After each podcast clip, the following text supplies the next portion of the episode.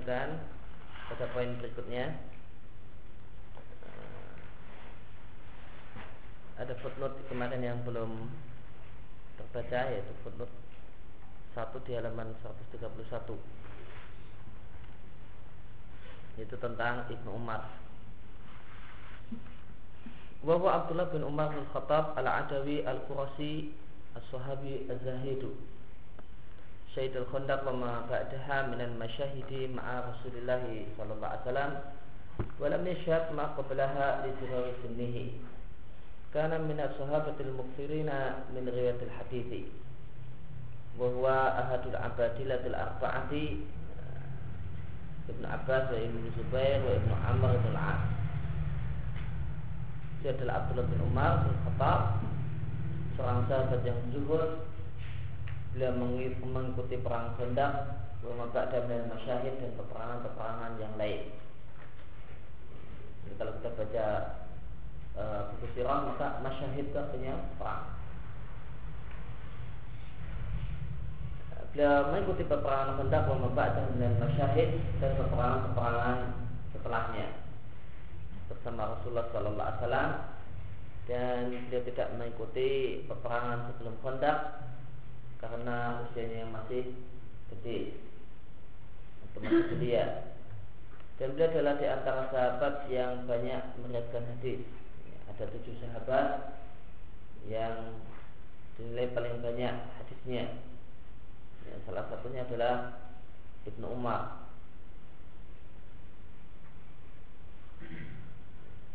Ada tujuh sahabat yang terkenal banyak hadisnya enam dari mereka adalah laki-laki dan satu perempuan. Yang perempuan adalah Aisyah sedangkan yang laki-laki adalah eh, samping Ibnu Umar ada Abu Hurairah ada Anas bin Malik ada Jabir bin Abdullah ada Abu Sa'id Al-Khudri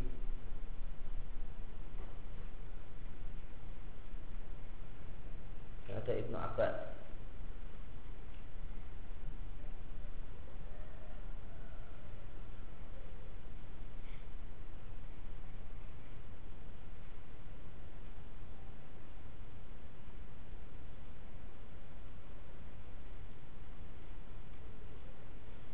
Kemudian kita lanjutkan dengan amal aksam af'ali af'alihi sallallahu alaihi wasallam.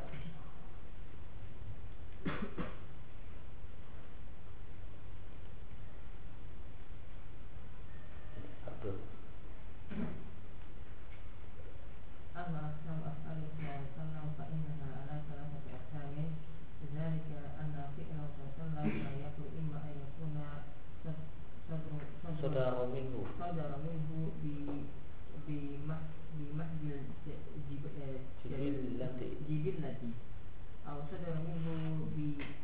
di tasri'i.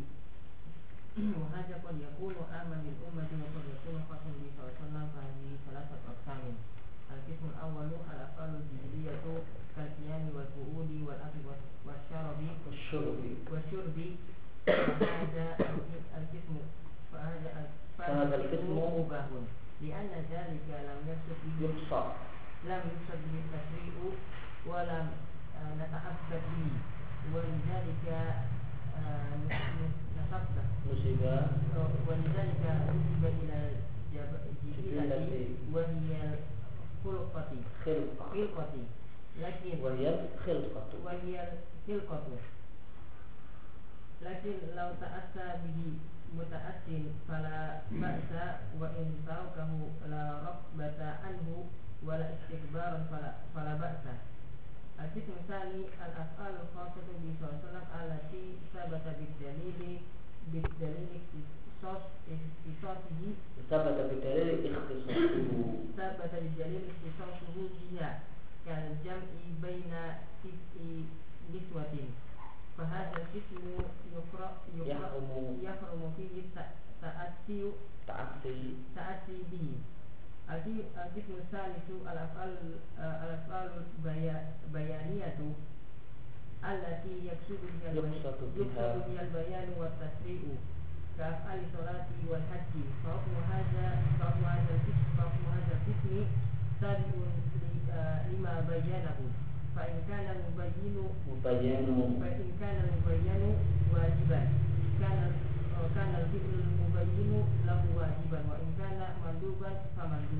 Nah, Adapun pembagian perbuatan Nabi Shallallahu Alaihi Wasallam maka bisa dibagi menjadi tiga bagian. Kenapa bisa tiga bagian? Hal tersebut karena perbuatan Nabi Shallallahu Alaihi Wasallam tidak lepas dari dua kemungkinan. Ima boleh jadi adalah muncul dari Nabi bimah bil bibillah murni murni karena faktor kemanusiaan. Atau muncul dari Nabi Shallallahu Alaihi Wasallam murni untuk menjelaskan hukum untuk menetapkan hukum. Dan dan masing uh, wahada dan yang berkaitan dengan hukum itu ada dua kemungkinan. Qad yakunu aman lil ummah bersifat umum untuk seluruh umat wajib diikuti oleh seluruh umat atau bersifat khusus untuk Nabi Shallallahu Alaihi Wasallam. Maka dari hal tersebut maka berarti ada tiga macam. Pertama jibilah, kemudian tasyrik namun am, kemudian tasyrik namun khas untuk Nabi Shallallahu Alaihi Wasallam e, bagian yang pertama yaitu al-af'al al-jibiliyah perbuatan-perbuatan karena faktor kemanusiaan karena beliau adalah seorang manusia maka beliau berdiri duduk makan minum ini adalah perbuatan-perbuatan yang Nabi lakukan karena dorongan atau karena faktor status beliau sebagai seorang manusia maka Perbuatan-perbuatan ini hukumnya mubah. Jika ditiru hukumnya mubah. Karena hal tersebut tidaklah dilakukan layuksa tidak dimaksudkan dengan perbuatan tersebut oleh Nabi Shallallahu Alaihi Wasallam untuk menetapkan hukum. Oleh karena itu kita tidak beribadah dengannya. Kita tidak beribadah dengannya karena tidak boleh beribadah dengan hal yang mubah ya, karena tidak boleh beribadah dengan hal yang mubah menjadikan hal mubah sebagai ibadah adalah tidak menjadikan hal yang mubah sebagai ibadah adalah adalah bid'ah. Hal yang mubah itu boleh digunakan e, dikerjakan dengan status hal mubah atau sebagai sarana untuk melakukan ketaatan. Sebagai wasilah. Akan tapi perkara mubah itu jadikan ibadah itu sendiri ini adalah bid'ah bagaimana bid'ah sufiyah yang menjadikan yang mubah kayak memakai kain wall sebagai ibadah kepada Allah Subhanahu wa taala. Walam nata'abbad bihi, maka kita tidak beribadah dengannya karena itu perkara mubah dan mubah tidak boleh dijadikan sebagai ibadah itu sendiri. Walizalika oleh karena itu perbuatannya dinisbatkan pada jibillah dan makna jibillah adalah al khilqah asal penciptaan manusia. Akan tapi seandainya ada orang yang menadani Nabi dalam hal-hal tersebut, muta'assir seorang yang menadani Nabi, maka apa hukumnya? Kata beliau, kata penulis hukumnya lah jadi hukumnya boleh. Akan tapi jika ada orang yang meninggalkannya, bukan karena membencinya dan bukan karena sombong dengannya maka juga hukumnya boleh inilah mubah dikerjakan boleh tidak dikerjakan juga boleh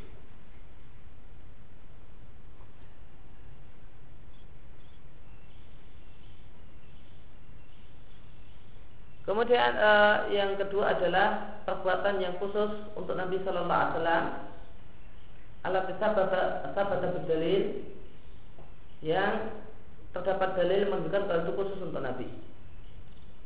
Kal jam'i baina ini suatin semacam Nabi Shallallahu Alaihi Wasallam uh, menikahi sekaligus sembilan istri.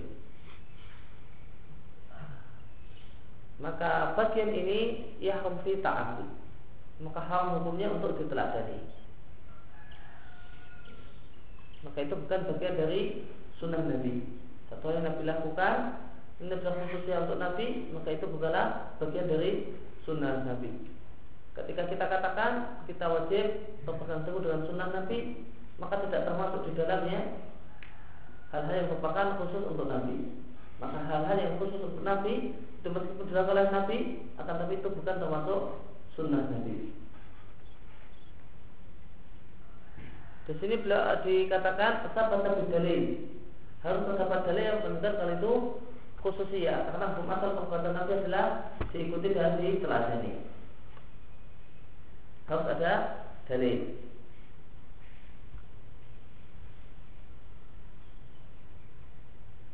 Harus ada dalil khusus yang menjelaskan kalau itu adalah khususnya.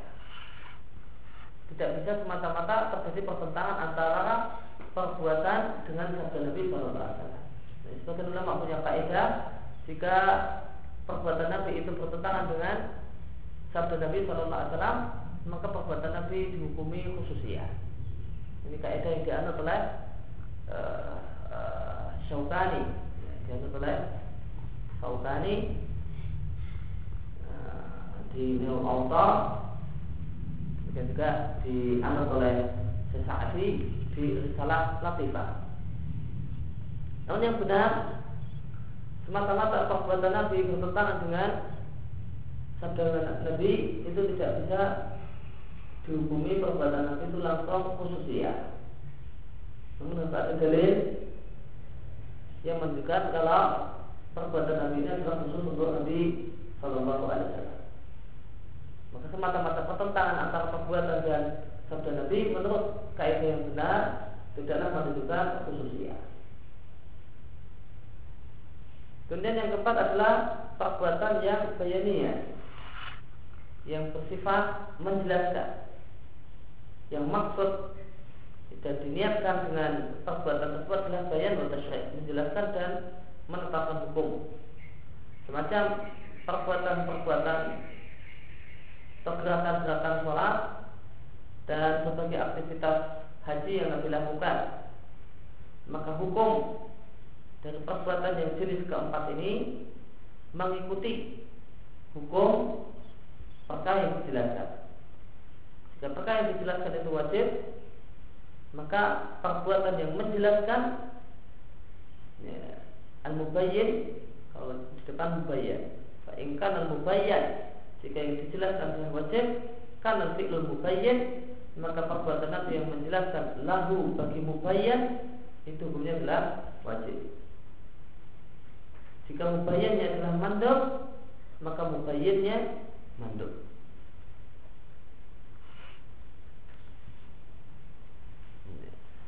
Sebelumnya ada foto 5 di halaman 131 Tolong dibaca uh, sedikit.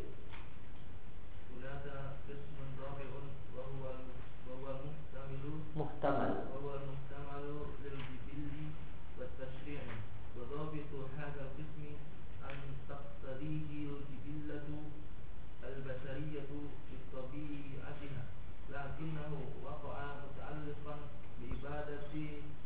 بعبادة بعبادة بأن وقع فيها أو في وسيلتها كالركوب إلى الحج والدخول مكة من من بداية وهذا قد اختلف فيه هل هو مباح أو مندوب.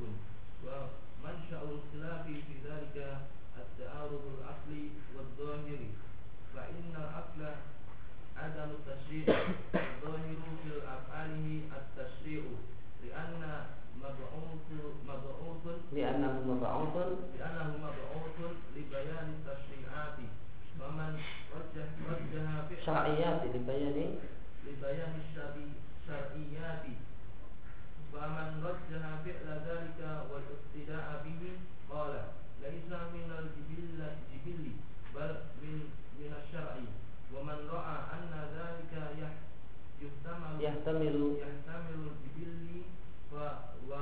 وغيره فيحمله على الجبل انظر nah lewati terus footnote satu وسب و ويثاب على قصده التأسي إذ ورد أن ابن عمر أن ابن أن ابن عمر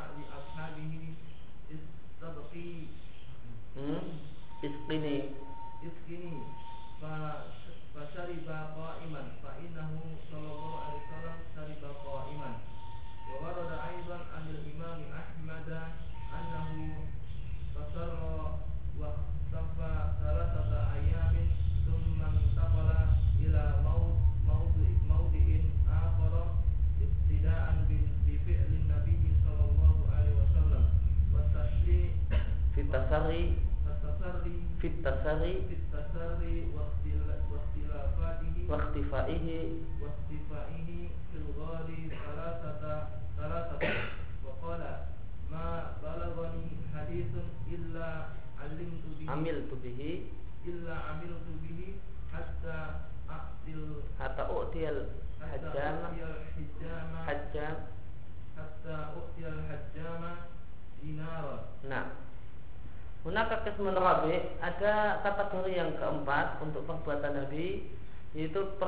Nabi yang mungkin ini mungkin itu mungkin jibili dan mungkin tasyra'i mungkin karena faktor kemanusiaan dan mungkin adalah berfungsi untuk menjelaskan hukum.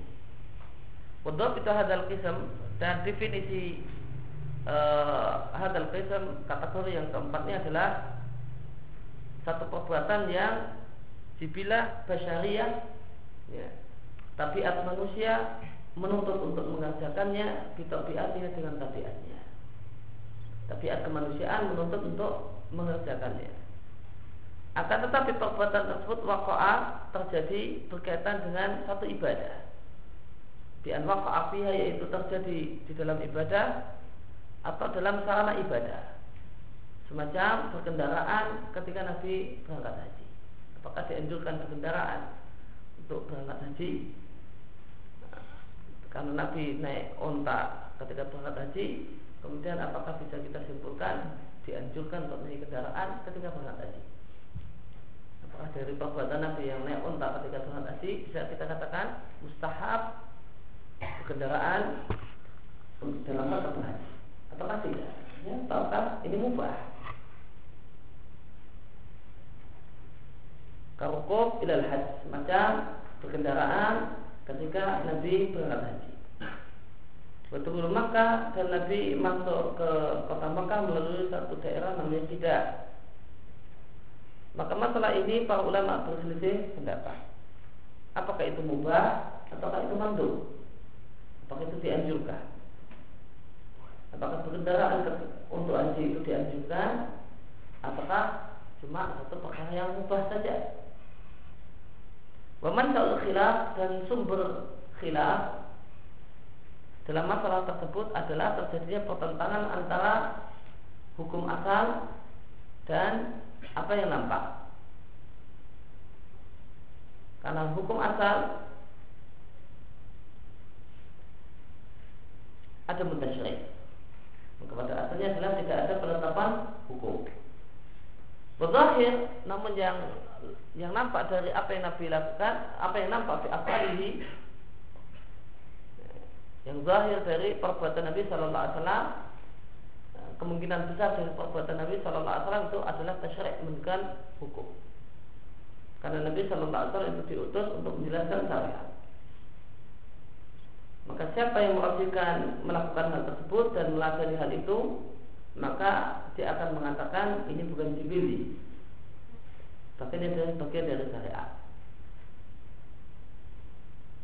dan siapa yang melihat bahasanya itu adalah status yang mungkin mungkin jibili dan mungkin tidak jibili maka akan disimpulkan maka akan dipahami. Karena cuma baru mungkin saja mungkin syariat maka dikembalikan kepada asal. Yaitu bukan syariat fajmilu al-jibili lalu dia pahami itu bukan jibili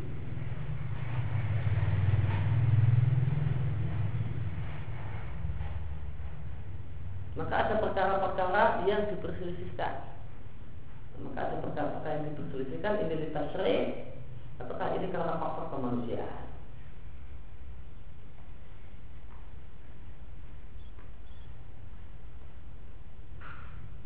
Maka perlu dicari beberapa korina-korina yang menunjukkan lebih mana mendekati yang mana mendekatkan mendekati pada ini adalah sibiliyah atau ini mendekati uh, litasri untuk perkara-perkara yang diperselisihkan semacam, uh, semacam ini.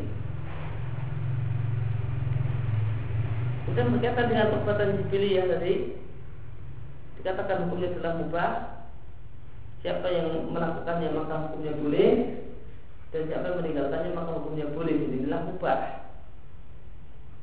Namun meninggalkannya adalah boleh jika larobatan anhu, bukan karena benci, bukan karena benci. Maka ini menunjukkan tidak boleh uh, mencela, mengejek orang yang melakukan perbuatan meniru perbuatan Nabi yang dipilih ya. Tidak boleh diejek tidak boleh dicela karena dia melakukan hal yang mubah perbuatan yang mubah maka tidak tidaklah dicela orang yang melakukannya.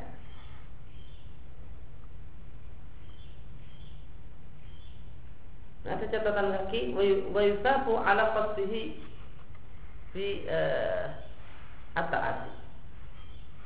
Dan jika dia melakukan karena melakukannya karena meladani Nabi, maka ada pahala namun pahalanya adalah untuk niatnya, bukan untuk perbuatannya. Dan pahalanya adalah untuk niatnya, bukan untuk perbuatannya. Perbuatannya mubah dan mubah tidak boleh dijadikan sebagai ibadah itu sendiri.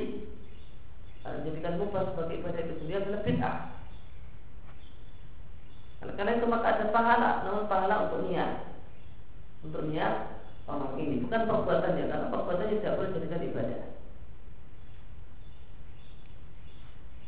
Itlaqah karena terdapat Bahasanya Ibnu Umar atau Anhumah Beliau memakai sandal siptiyah Nanti akan dijelaskan apa itu siptiyah Dan Memberi warna Untuk ubannya Dengan warna kuning. Maka itu Umar ditanya tentang hal tersebut. Adapun sandal, sandal siptiyah Maka kemudian Rasulullah SAW memakai sandal yang tidak ada bulunya. Nah ini, ini sandal setia, ya, sandal dari kulit, nah kulitnya itu tidak berbulu. Nah, sandal dari kulit, kulitnya itu bersih, ya, tidak ada bulunya. Dan Nabi Shallallahu Alaihi Wasallam berwudu menggunakan sandal tersebut, maka aku ingin, aku suka jika aku memakainya. Adapun memberi warna uban dengan kuning maka kemudian Nabi Shallallahu Alaihi Wasallam memberi warna ubannya dengan warna tersebut maka aku ingin untuk melakukan hal yang sama. Diatkan oleh Bukhari. Dan terdapat keterangan dari Imam Syafi'i bahasanya beliau pernah berkata kepada salah seorang muridnya bila aku minum Kasyarifa qa'iman lalu Imam Syafi'i minum sambil berdiri. Alasannya karena Nabi Wasallam minum sambil berdiri. Bahwa dan terdapat keterangan dan juga dari Imam Ahmad. Ini saya baru baca pertama kali di sini. Saya belum uh, mendapatkan keterangan detail tentang maksud dari kalimat ini. Anak tertara bahasanya Imam Ahmad itu mengumpuli budak perempuannya. Tasara itu artinya mengumpuli budak perempuan. Itu disebut eh, tasara.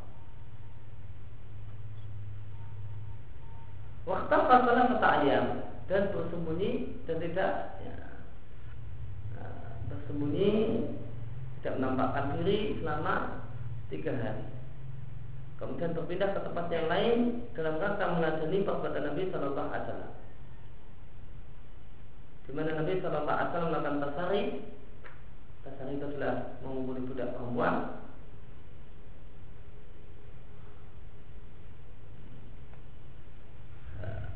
Karena uh, perbuatan Nabi Shallallahu Alaihi Wasallam dalam tasari mengumpuli budak perempuan, ini dan dia dan Nabi bersembunyi dalam gua selama tiga hari. Ini saya belum dapat keterangan lebih detail tentang apa yang disebutkan di sini. Nabi Tasari dan bersembunyi di gua tiga hari ini. Maka Imam Ahmad mengatakan dan ini di antara keistimewaan Imam Ahmad mal balawani hadisun ila amil tubihi. Ketika aku mendapatkan satu hadis yang sahih dari Nabi kecuali pasti aku praktek. Sampai-sampai aku beri kepada tukang bekam upah besar satu dinar dan itu adalah upah yang sangat mahal. Nah, ini adalah upah yang sangat-sangat mahal karena Nabi Shallallahu karena karena terdapat riwayat yang ini dibacakan sampai pada Imam Ahmad Nabi Wasallam bekam dan memberikan kepada orang yang membekam beliau upah satu dinar. Maka begitu membaca ini maka Imam Ahmad pun juga mempraktekannya.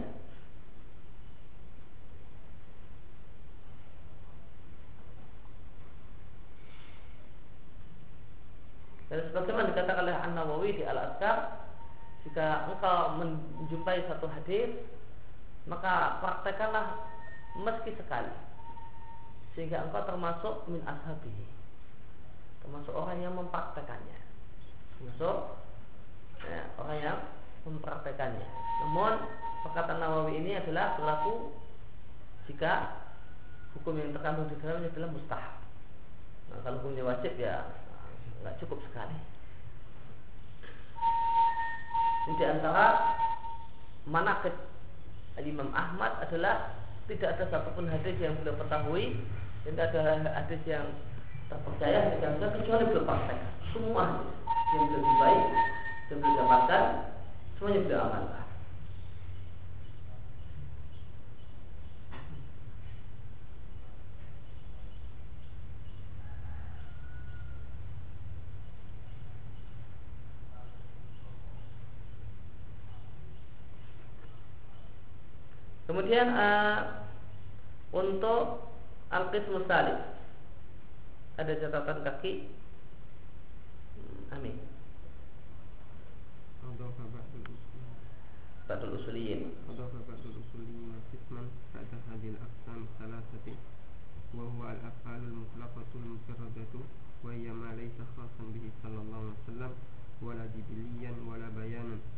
وهذا القسم في نظري راجع ولا بد إلى واحد من هذه الأقسام الثلاثة إلا أنه يحتاج إلى فقه ونظر من حيث الأول حكم هذا الفعل بالنسبة للنبي صلى الله عليه وسلم فإن أمته مثله في هذا الحكم. الثاني ظهور قصد النبي صلى الله عليه وسلم للقربة أو عدم ظهور هذا القصد. فما ظهر فيه فما ظهر فيه قصد القربة فهو دائر بين الوجوب والندب وما لم يظهر فيه قصد القربة فهو مباح. ويمكن التمثيل لهذا القسم بأمثلة وردت في الأصل الثالث والرابع من هذا الموضوع من هذا الموضوع. Nah. Atau Fabatul Usulin sebagian ulama usul fikih menambahkan Qisman Ba'da hadil aksam salah Kategori yang lain setelah ada tiga kategori di atas. Yaitu ada perbuatan Nabi yang dikatakan mutlakah mujarodah Perbuatan yang mutlak dan mujarab. Bersih. Maksudnya mutlak dari batasan dan bersih dari kemungkinan-kemungkinan. Yaitu maksudnya perbuatan Nabi yang lain khasan perbuatan Nabi yang tidak khusus untuk Nabi bukan khusus ya. Wala jibilian wala bayanan. Nah, perbuatan Nabi yang tidak termasuk dari tiga kategori kategori di atas. Khusus ya bukan jibili bukan namun bayan juga bukan. Wadal kismu kata penulis Wadal kismu dan e, kategori ini menurut pandanganku Rajiun kembali wala Buddha pasti pada salah satu dari tiga bagian di atas. Tidak mungkin ada. Secara teori menurut pikiran menurut pendapatku nggak mungkin ada. Ada perbuatan itu bukan jibili bukan uh, e, litasre bukan khususnya. Tidak ada Nah, mesti ya kalau enggak perbuatan nanti ya kalau enggak jibili ya litasre kalau enggak ya uh, khususiyah nggak mungkin ada perbuatan yang mujarab dari tiga kemungkinan ini terbebas dari tiga kemungkinan ini ya. maka menurut pandanganku ya perbuatan mujarab dalam pengertian ya, bukan mujarab anil awamir ya nah, namun mujarab bebas dari tiga kemungkinan di atas itu satu hal yang tidak ada dalam realita maka pasti kembali pada salah satu dari tiga hal di atas. Akan tetapi ya tetap perlu pemahaman dan e, penelitian dari e, dua aspek yaitu pertama adalah hukum perbuatan tersebut untuk Nabi Shallallahu Alaihi Wasallam. Maka umatnya, maka umat Nabi Shallallahu Alaihi Wasallam pada asalnya adalah semisal dengan Nabi Shallallahu Alaihi Wasallam dalam hukum. Siapa yang menetapkan itu khususnya, maka wajib menyatakan dalil. Kemudian yang kedua adalah nampaknya niat Nabi Shallallahu Alaihi Wasallam melakukan perbuatan itu untuk mendekatkan diri kepada Allah, apakah niat tersebut tidak nampak?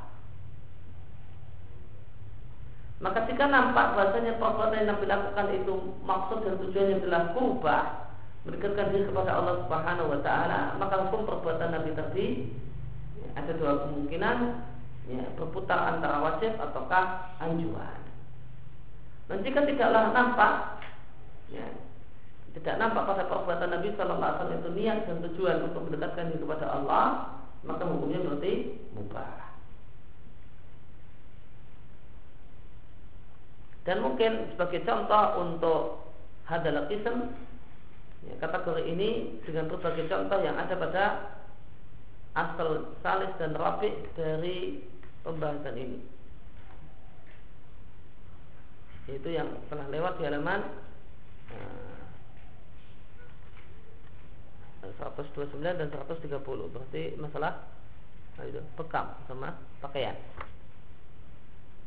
Masalah bekam sama pakaian.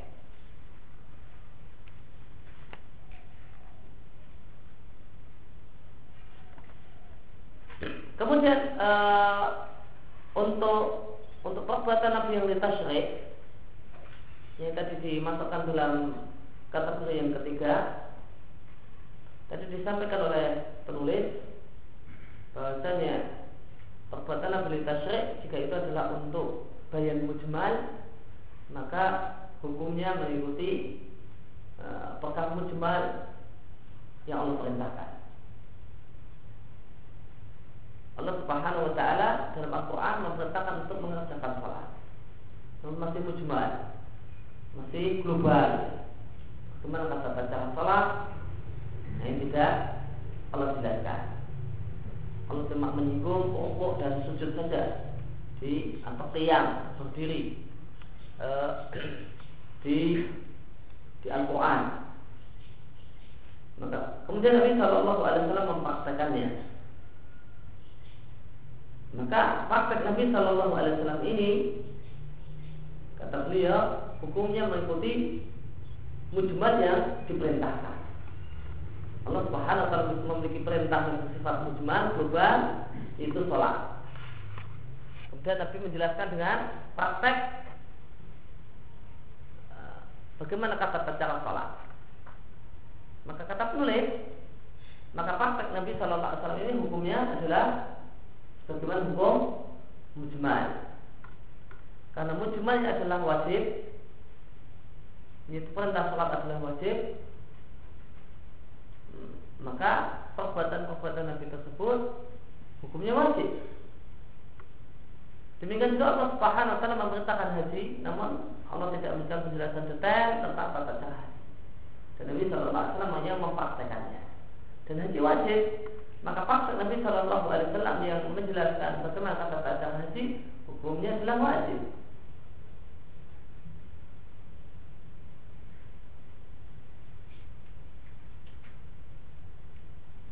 Maka perbuatan Nabi yang ditasyrih kemudian bentuknya adalah bayan mujmal maka penulis berpendapat nah, hukum perbuatan Nabi adalah mengikuti mujmal.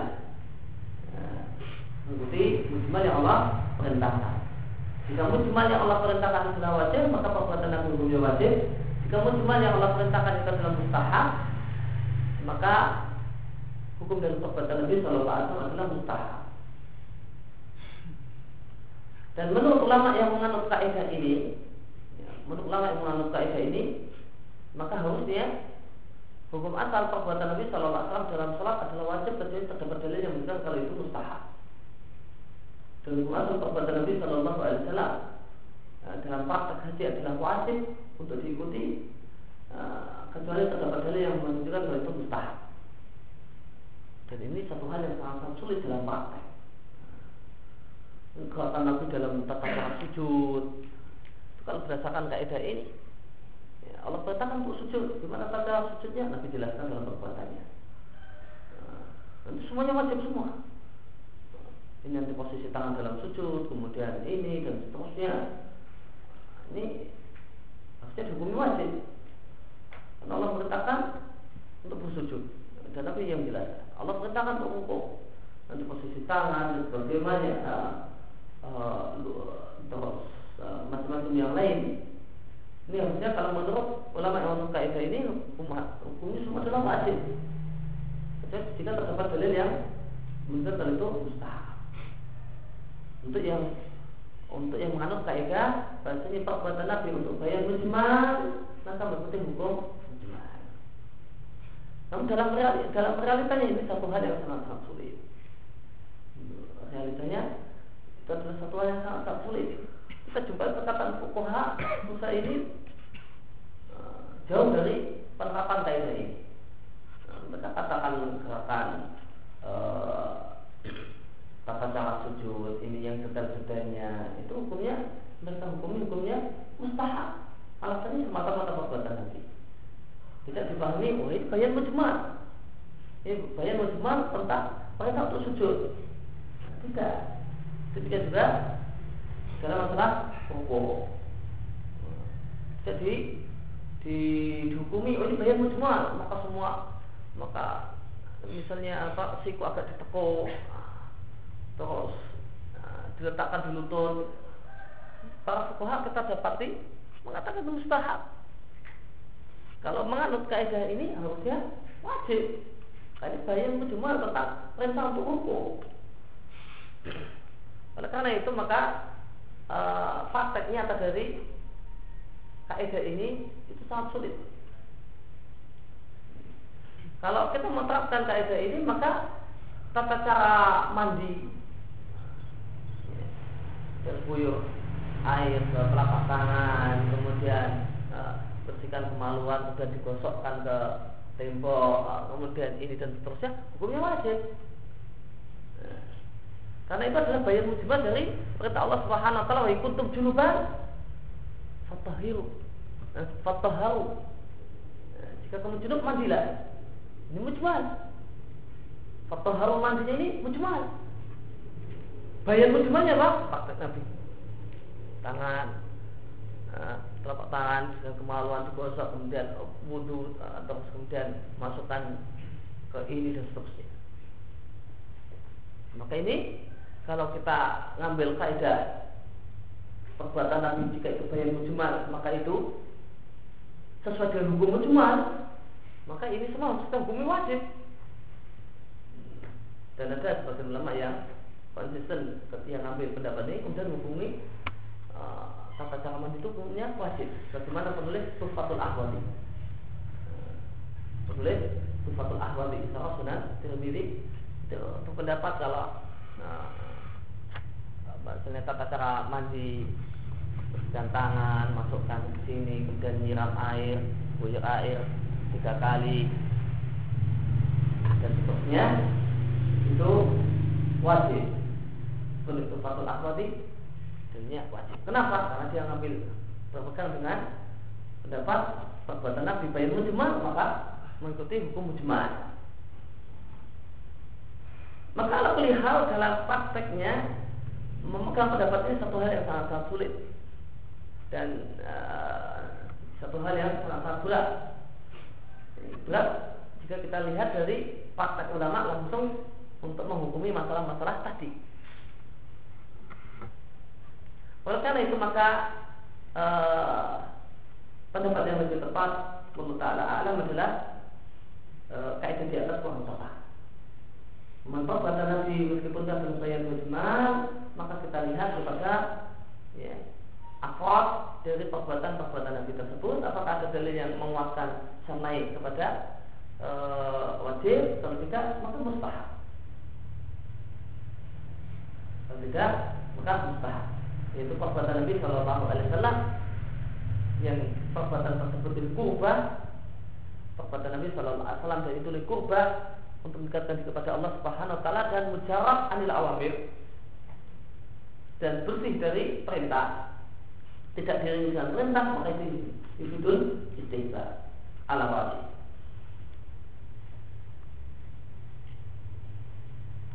Maka ya, kaidah yang lebih tepat.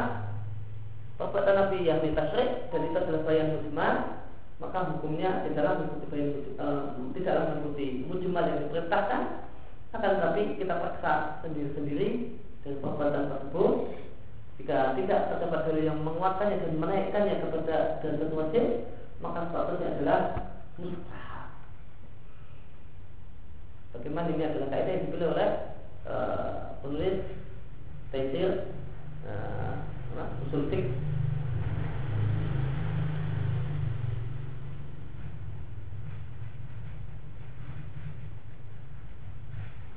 untuk Abdullah bin Yusuf Jude yang bukunya uh, telah kita baca di uh, sebelum kajian kitab ini.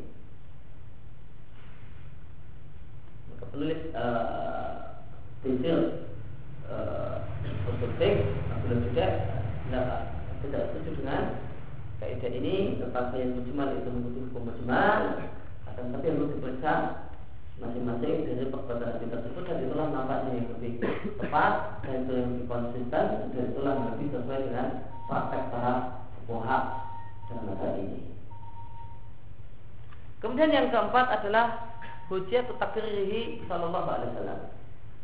Kehujahan takrir.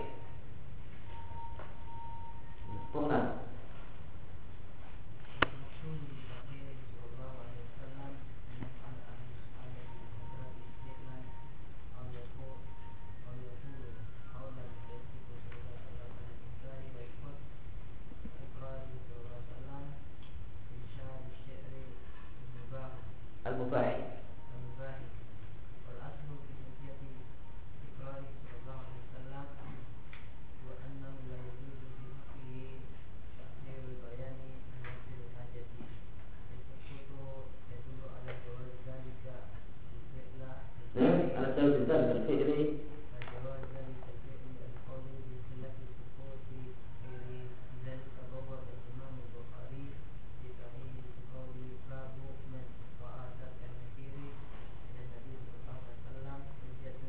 hujjatan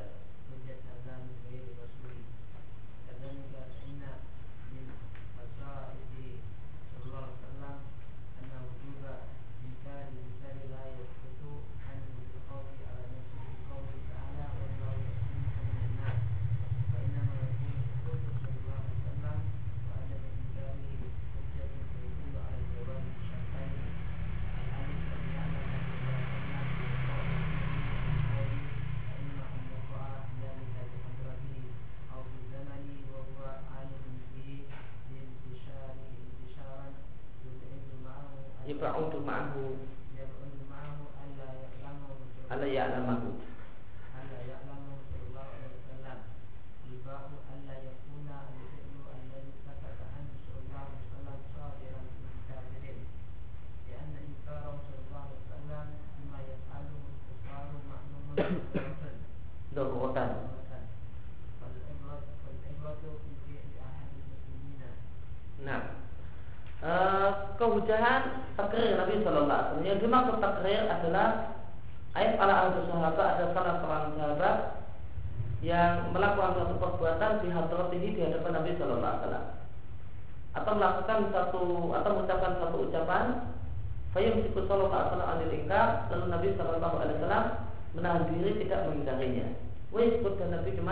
cuma diam saja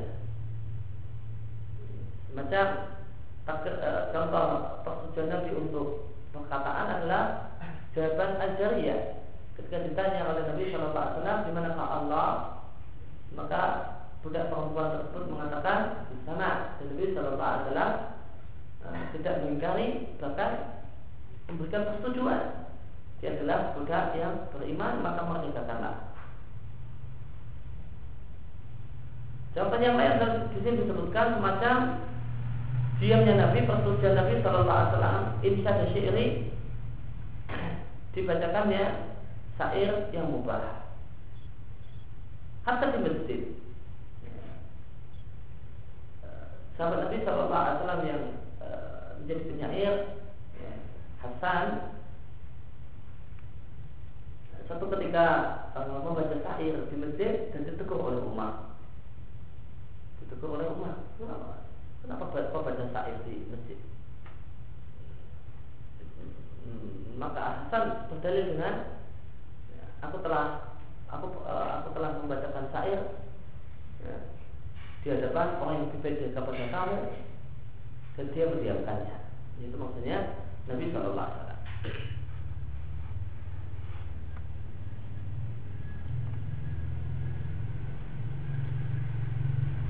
Maka hal tersebut menunjukkan bolehnya bolehnya membacakan syair di masjid. Namun uh, uh, al afdal tahku menunjukkan adalah meninggalkannya berdasarkan hadis yang lain yang Tirmidzi dan hadisnya Hasan Nabi Shallallahu Alaihi Wasallam melarang beberapa hal di antaranya adalah uh, di antaranya adalah membacakan syair di masjid.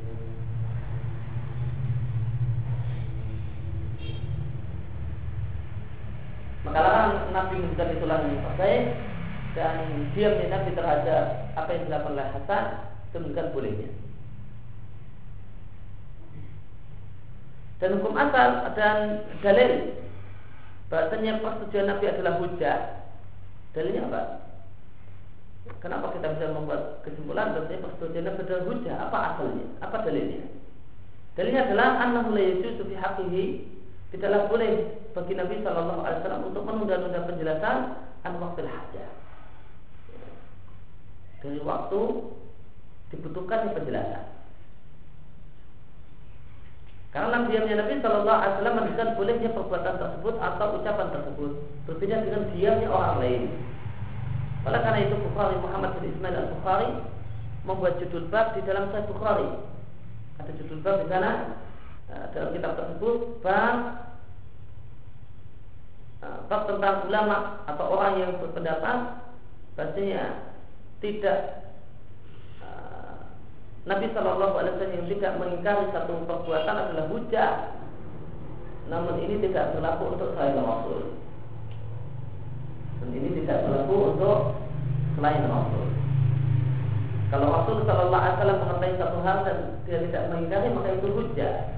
Akan tapi selain Rasul maka ada banyak kemungkinan. Maka tidak bisa jadi hujah.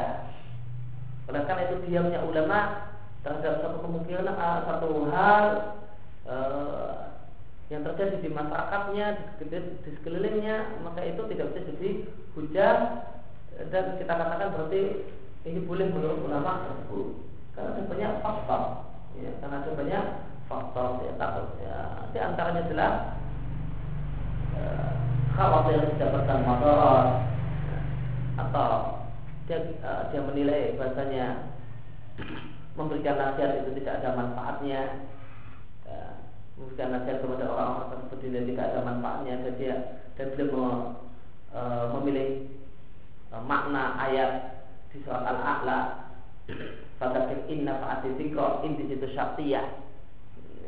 Bila peringatan jika Jika Peringatan dan nasihat itu manfaat.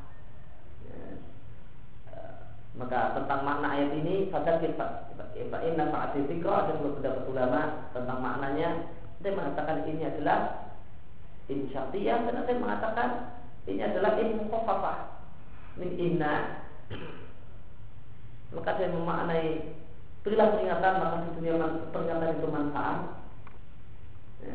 dan ada ulama yang memaknai berilah peringatan jika nasihat dan peringatan itu manfaat. Maka ada banyak kemungkinan boleh jadi di beliau dia kenapa? Karena melihat ada manfaat. Nah jadi orang ini karena itu termudah hadapi sang kuat nah, maka sebelum saatnya untuk nggak bukan waktu yang tepat untuk bicara nggak manfaat kalau bicara pada saat ini.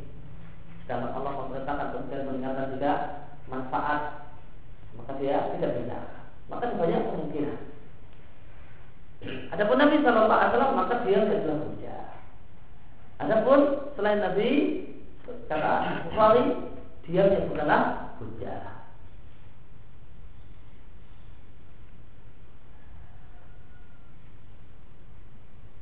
satu hal yang patut diperhatikan. Diamnya orang selain Nabi itu bukan hujah. Diamnya orang ya, selain Nabi itu bukan hujah.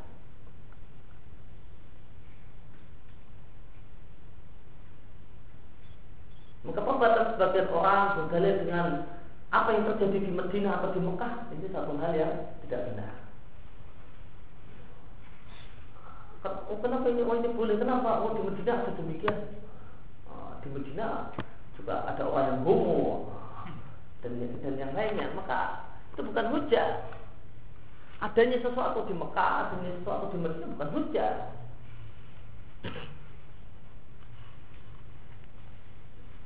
Karena diamnya selain ulama itu bukanlah hujah. Untuk diam orang selain Nabi Shallallahu Alaihi itu bukan hujah. Ini kaidah. Ini kaidah. Bahasanya diamnya orang selain Nabi Shallallahu Alaihi itu bukan hujah. Maka orang tidak boleh berhujah dengan sesuatu yang terjadi di satu tempat dan dia katakan oh, ulama tidak mengingkari. Ulama tidak mengingkari. Ini bukan hujah, ini cara berpikir yang salah. Ini cara berpikir yang keliru. Ini cara berpikir yang keliru.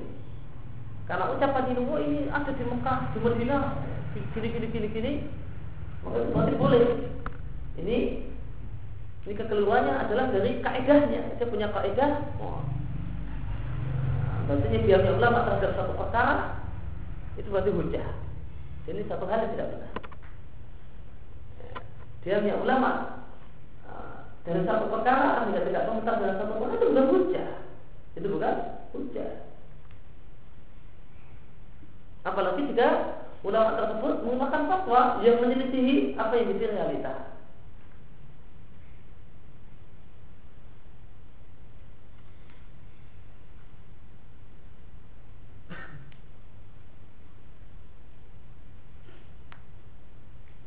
Misal masalah apa ya? Uh, saya pernah dialog dengan orang masalah eh, uang korban dikirim di transfer dari Saudi ke sini untuk untuk korban. Nah, uh, ini ada orang yang bilang semuanya tidak masalah, tidak masalah. Apa alasannya pak? Di Saudi banyak, nah, di Saudi banyak muasabah khairiyah biasanya sosial yang bikin acara semacam itu. Kami kan nggak nggak pernah dengar ulama komentar tentang masalah ini? Ya kayaknya biasa-biasa apa ya didiamkan. Terus seandainya itu memang nggak boleh tentu akan diingkari. Nah alasannya ada adanya nah, adanya diamnya ulama.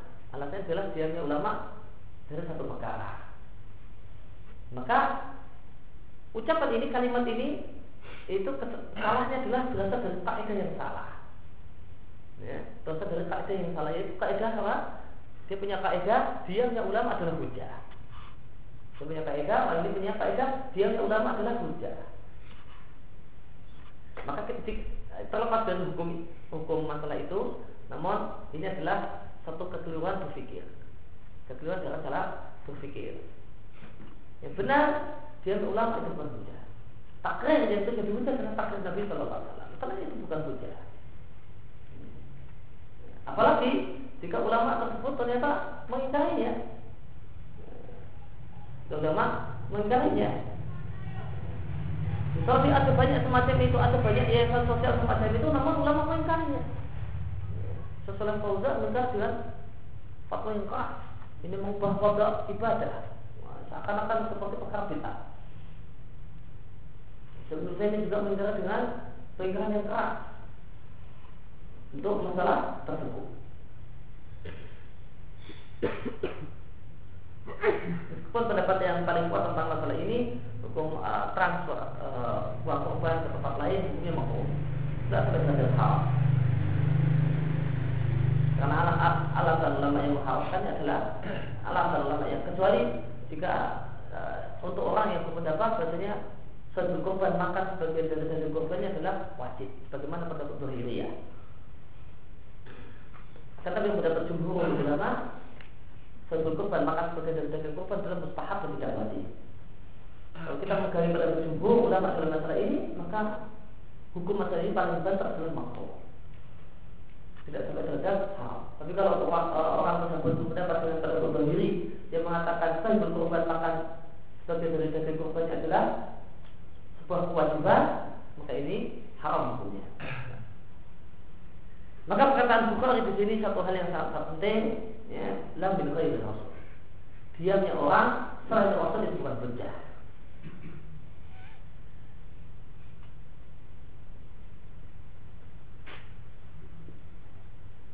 Karena di antara kekhususan Nabi Shallallahu Alaihi Wasallam adalah wajib ingkar muka. Dan tidaklah gugur dari Nabi kewajiban ingkar muka karena khawatir bahaya menimpa dirinya. Karena Allah janji untuk melindungi Nabi. Wallahu ya'tumuka minan. Dan Allah Subhanahu wa taala melindungimu dari manusia. Dari gangguan manusia. Setelah turun ayat ini Nabi Shallallahu Alaihi Wasallam memerintahkan para sahabat yang menjadi pengawal untuk bubar Sebelum turun ayat ini, sebelum turun Al-Maidah 67, Nabi itu punya pengawal.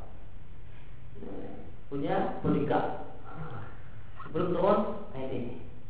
Mereka ketika Nabi Shallallahu Alaihi Wasallam di rumah, maka mereka duduk, ya, duduk di tiang masjid, ya, mereka kumpul di sana ya, untuk jaga Nabi. Sehingga tiang masjid tersebut, ya, ini ada di dekat makam Nabi disebut uh, tiang hak karena itu ada tempat duduk-duduk ya, para pengawal Nabi Shallallahu Alaihi Wasallam sebelum turunnya ayat ini. Setelah turunnya ayat ini bahwa ya aku bukan menenang maka Nabi ikut akan disebut. Sudah pulang eh, ke rumah kalian masing-masing, yang jaga di depan rumah saya dan uh, di, di tempat-tempat yang lain. Maka maksum ini adalah maksum terjaga dari gangguan manusia. Maka uh, dasar pokok kenapa persetujuan Nabi adalah hujah adalah kaidah takhul bayan an waktu hajah la Nabi Shallallahu Alaihi Wasallam untuk Nabi Shallallahu Alaihi Wasallam tidaklah dibolehkan ya, menunda penjelasan pada saat orang itu membutuhkan penjelasan. Namun ingat takhul bayan an waktu khitab yajuz dua kaidah dalam masalah ini takul bayan an waktu hajah la yajuz namun takul bayan an waktu khitab yajuz.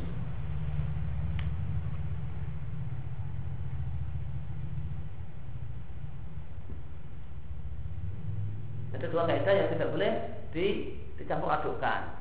Untuk Nabi Shallallahu Alaihi Wasallam tidak boleh menunda penjelasan indal hajah ketika orang itu butuh penjelasan maka wajib Nabi memberikan penjelasan kalau ini dibutuhkan namun Nabi tidak menjelaskan maka itu adalah penjelasan bahasanya itu tidak diperlukan Jika ada hajat, namun Nabi tidak memberikan penjelasan, maka ini adalah penjelasan bahasanya hal tersebut tidaklah dibutuhkan. Karena Nabi eh, tidak boleh menunda penjelasan nah, ingil hajat. Akan tapi ingat ada kaidah yang lain yang merupakan pasangan dari kaidah ini adalah yaitu takul bayan apa tadi? Hah? An waktu khitab yajuz. Takul bayan an waktu khitab menunda menunda penjelasan dari setelah penjelasan pertama itu boleh ketika itu belum dibutuhkan oleh karena itu ada taksis berdasarkan dalil yang lain. Ini Nabi menyampaikan hadis umum dan taksisnya di hadis yang lain. Tidak harus dalam hadis ini. Nabi menyampaikan hadis mutlak kemudian uh, dibatasi namun di dalil yang lain. Nabi katakan Nabi membatasinya di kesempatan yang lain. Maka ada ada taksir munfasil ada Nabi menyampaikan hadis umum lalu uh, Nabi mentaksis masalah ini namun di dalil yang lain dan Nabi katakan di waktu yang lain ini boleh tidak harus taksis itu tidak harus ya, tidak harus di dalil yang sama. Tidak harus di dalil yang sama. Penjelasan uh, ini hadis yang umum ini dikucutkan itu tidak harus di waktu itu, namun boleh jadi di hadis yang lain. Ini karena apa? Karena tak bayan an waktu khitab ya juz. Ya, tak bayan an waktu khitab ya juz. Oleh karena itu ada uh, dalil mutlak dimukoyatkan di dalil yang lain. Ada dalil am di ditafsir di dalil yang lain. Artinya dikatakan di waktu yang lain. Dikatakan di waktu yang lain. Allah memerintahkan dalil uh, am, kemudian Nabi memberikan tafsir di waktu yang lain. Ini boleh. Selama itu belum, bukanlah uh, ketika itu belum belumlah ada hajat. Itu yang disebut dengan tak berbayar an-waktul ya juzu. Kemudian ini nama yakun sukutuhu hanyalah diamnya Nabi Shallallahu Alaihi Wasallam dan ingkarnya ingkarnya Nabi Shallallahu Alaihi Wasallam adalah hujah sehingga menghasilkan hukum Jawa mubah dengan dua cara. Perhatikan, saya dulu al Jawa. Takrir Nabi itu ya dulu al Jawa. Takrir Nabi itu membuatkan hukum Jawa. Tidak wajib. Bagaimana pendapat orang sekarang yang uh, sama uh, uh, gembar-gembar uang harus dinar dan dirham. Uang harus katanya uang Islami harus dinar dan dirham. Oh, kalau enggak dinar dan dirham bukan emas dan perak maka bukan uang Islami. Dalilnya apa? Oh, itulah uang yang ada di masa Nabi. Itulah uang yang ada di masa Nabi. Apa itu? Takrir. Apa itu? Takrir. Inilah uang emas dan dinar telah emas dan perak adalah uang di masa Nabi. Apa itu? Takrir. Takrir itu menghasilkan hukum apa? Ini kelas musuh fikih. Takrir itu menghasilkan hukum apa? Jawab. Tidak menghasilkan hukum wajib. Kenapa satu hal yang jawab dijadikan sebagai kembang-kembangkan saya satu hal yang wajib? Bagian dari anti adalah harus kembali pada emas dan perak kembali pada dinar dan dirham di mana dalilnya nah, menjadikan ini adalah suatu hal yang wajib maka perhatikan saya dulu ada Jawa. Maka takrir itu menghasilkan hukum Jawa. Takrir itu menghasilkan hukum mubah. Tidak menghasilkan hukum mustahab. Ya, tidak menghasilkan hukum apalagi wajib. Contoh penerapannya, contoh manfaat kita mengetahui ini adalah menilai perkataan sebagai orang yang mewajibkan. Uang mata uang harus dinar dirham dari mana bisa kita katakan bagi orang yang belajar usul fikih dari mana ini bisa dihukumi wajib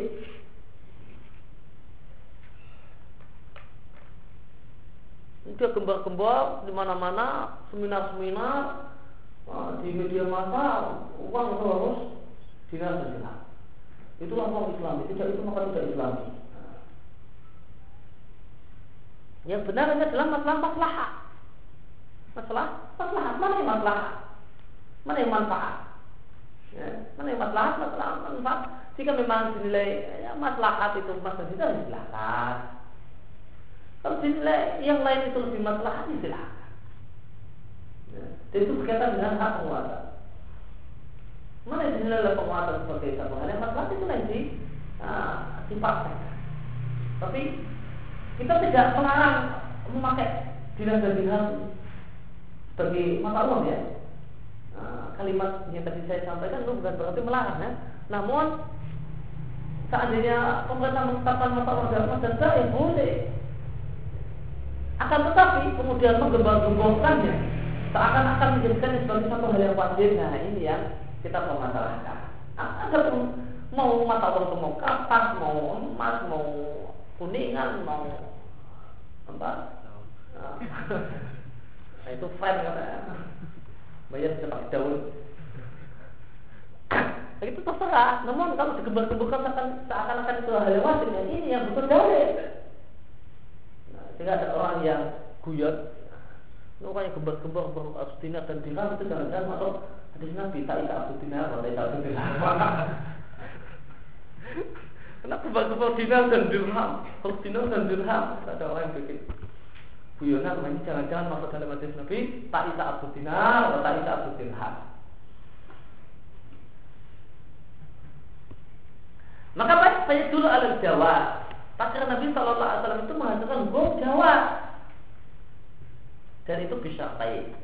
Itu dengan dua cara. Yang pertama, Nabi Shallallahu Alaihi Wasallam mengetahui terjadinya perbuatan tersebut atau ucapan tersebut. Dari mana, dari mana, dari mana Nabi tahu? Boleh jadi perbuatan tersebut terjadi di hadapan Nabi Shallallahu Alaihi Wasallam atau perbuatan tersebut di zaman Nabi dan tidak di hadapan Nabi. Namun Nabi tahu. Dari mana Nabi tahu? syari. Karena tersebarnya berita tersebut. Dengan satu tersebar ya ya ba'udu ma'ahu mustahil Nabi tidak tahu. Ya ba'udu ya, sini maknanya kurang lebih mustahil. Kemudian yang kedua adalah ala yakun al-fi'lu Bukanlah perbuatan yang Nabi diamkan tadi muncul dari orang kafir. Karena karena Nabi Shallallahu Alaihi Wasallam dengan apa yang dilakukan oleh orang kafir adalah satu hal yang dimaklumi, satu hal yang diketahui darurat secara pasti. Pada ibrah maka yang jadi telah itu adalah perbuatan salah satu kaum muslim. Ya demikian yang kita baca pada Nabi Sallallahu Alaihi Wasallam. Alhamdulillah, Subhanallah, wa bihamdihi, la ilaha illa anta, astaghfiruka wa atubu ilaik.